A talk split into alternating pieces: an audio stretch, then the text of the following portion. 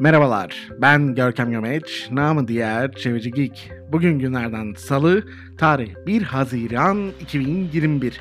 2021 yılının 22. haftasındayız. Umarım bu hafta sizin için harika bir hafta olur. Şimdi gelin beraber bu haftanın öne çıkan iklim krizi ile sürdürülebilir yaşama dokunan haberlerine bir göz atalım.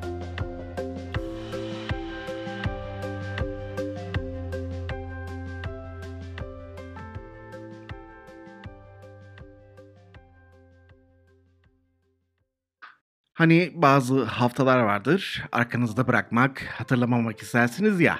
Büyük fosil yakıt şirketleri için geçtiğimiz hafta tam da öyle bir hafta oldu.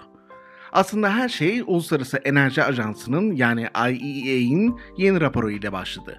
IEA 1973'te petrol krizine karşı herkes arkadaşça oynasın, petrol rezervlerine zarar gelmesin diye kurulmuş bir organizasyon aslında. Son dönemlerde özellikle Fatih Birol direktörlüğünde ise konu başlıkları yeni bir enerji ve iklim krizi olmuş durumda.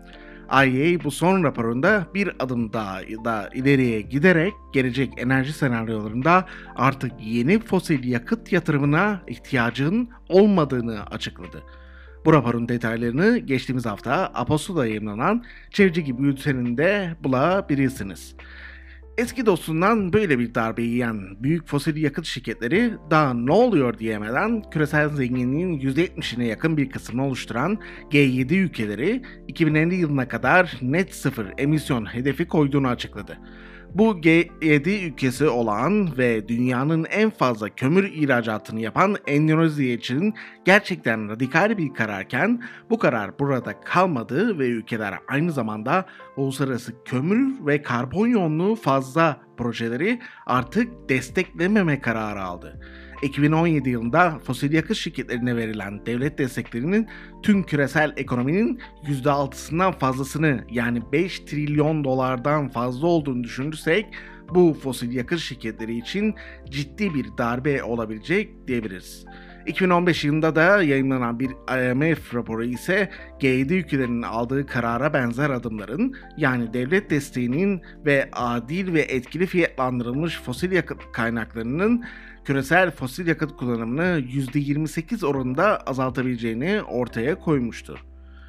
Daha salı günü bitmeden arka arkaya darbeler alan büyük fosil yakıt şirketleri için asıl çarşamba günü unutulmaz olacaktı. Her şey çarşamba sabahı Hollanda'dan gelen bir haber ile başladı. Hollanda'da bir mahkeme İngiliz Hollanda şirketi olan Royal Dutch Shell yani Shell şirketinin tehlikeli iklim değişikliğine sebebiyet vermekle suçlu buldu. Friends of the Earth Hollanda ve 17 bin vatandaşın açtığı bu davada küresel karbondioksit salımının %3'ünden sorumlu dünyanın en büyük dördüncü petrol şirketinin verdiği zararları durdurulması talep edilmişti.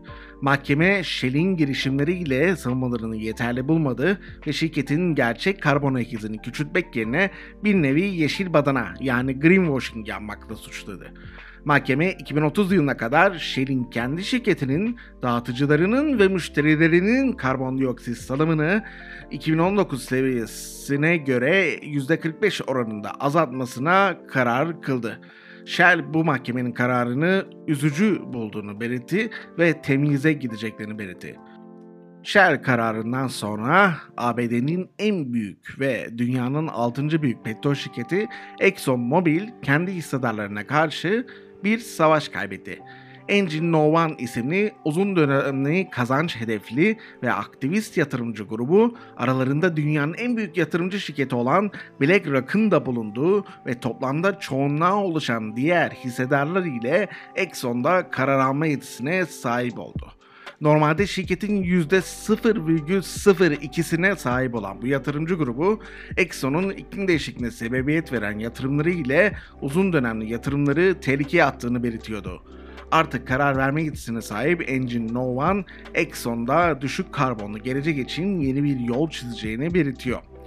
Şirketin bir önceki CEO'sunun Rex Tillerson yani Donald Trump hükümetinde Dışişleri Bakanı olduğunu ve Exxon'un yıllar boyunca iklim krizine karşı hareketleri desteklediğini düşündüğümüzde bu yeni yol taahhütü oldukça hayırlı duruyor. Bu iki dev olaydan sonra iklim aktivistlerin Twitter'ları bayramda çifte harçlık almış çocuklar gibiydi. Ama çarşamba günü daha bitmemişti. Aynı gün içerisinde dünyanın en büyük 8. petrol şirketi Chevron'da da aktivist yatırımcılar herkesi şaşırttı. Toplantıda %61 çoğunluk ile geçen bir öneriyle şirketin petrol, doğalgaz ve diğer sattıkları ürünlerdeki sera gazı salımını azaltması kararlaştırıldı. Hollandalı aktivist ve çevreci yatırımcı grup Follow This in önerisini masaya yatıran uluslararası şirket kendilerini de şaşırtarak bir yatırımcı ayaklanmasıyla karşı karşıya kaldı. Şirketin bundan sonra alacağı kararlar ile hem yenilenebilir enerjiye yönelik yatırım yapması hem de geçmiş ürünlerin karbon ayak düşürmesi bekleniyor. Çarşamba gününün heyecanı bitti derken Perşembe günü de son dönemlerde kömüre yaptığı yatırımlar ile tepki toplayan Avustralya'dan bir haber geldi. Avustralya Federal Mahkemesi devletin bundan sonra yapacağı kömüre yönelik yatırımlarda çocukların sağlığını göz önünde bulundurması gerektiğine karar kıldı. 8 çocuk ve bir rahibe tarafından açılan davada hükümetlerin özellikle kömüre yatırım yaparak çocukların sağlığını tehlikeye attığını ve bu durumu düşünmesi gerektiği belirtildi. Davanın dünyanın en büyük ikinci kömür ihracatçısı Avustralya'da gelecek kömür madeni yatırımları konusunda ciddi sonuçlara yol açacağı düşünülüyor. Açık konuşalım gerçekten hepimizi şaşırtan bir hafta oldu.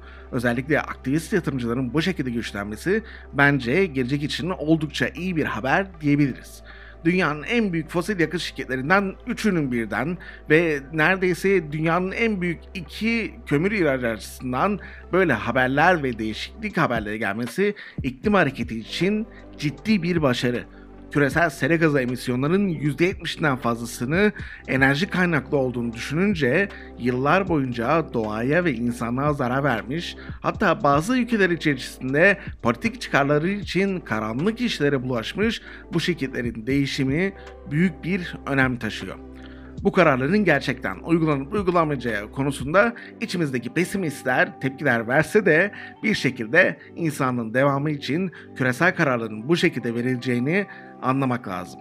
Aynı sigara şirketlerini getiren yaptırımlar gibi fosil yakıt şirketleri de ya değişecek ya da bu harekete katılacaklar ya da yok olup gidecekler. Belki burada sormamız gereken bunun ne zaman olacağı. Bu sorunun cevabı ise biraz bize bağlı. Shell örneğinde olduğu gibi 17 bin üzerinde bir insan bir araya gelerek tek bir hedef için birlikte çalışarak bu zaferi kazandı. Burada dökülen teri, uykusuz saatleri ve emeği göz ardı etmemek lazım.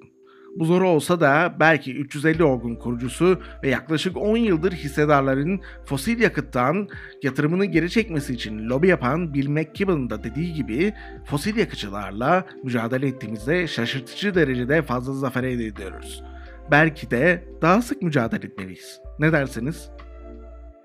Bu soru ile haftanın haberini burada bitireyim. Şimdi gelin kısa kısa diğer başlıklara bir göz atalım.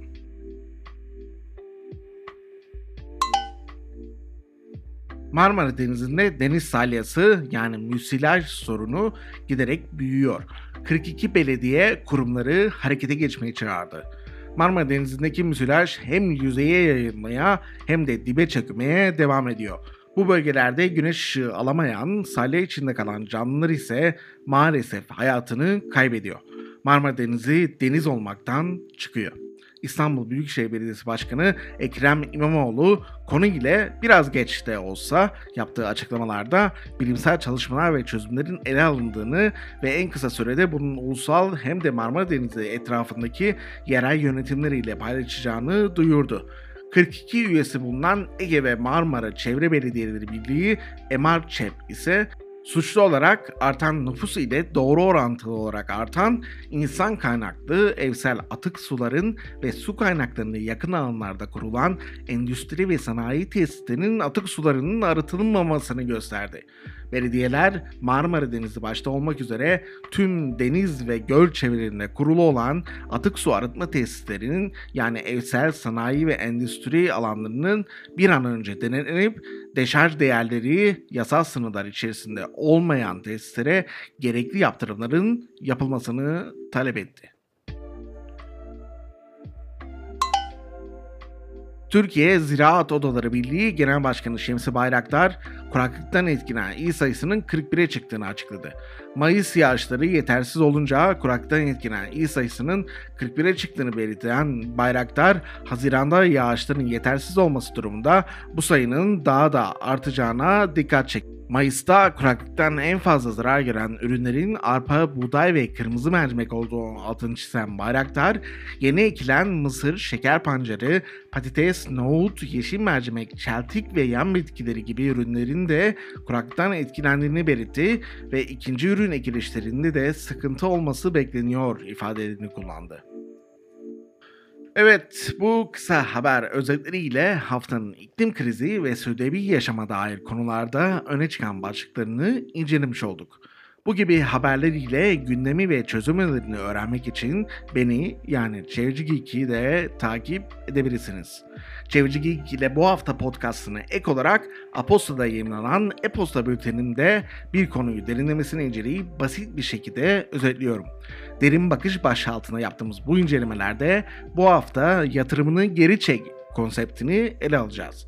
Aposto'da yayınlanan Çevreci Geek Bülteni'ne ulaşmak için apostonews.com adresini ziyaret edebilir ya da sosyal medya kanallarımda bulunan linkleri tıklayabilirsiniz. Kendinize ve çevrenize çok iyi bakın. Sevgiler.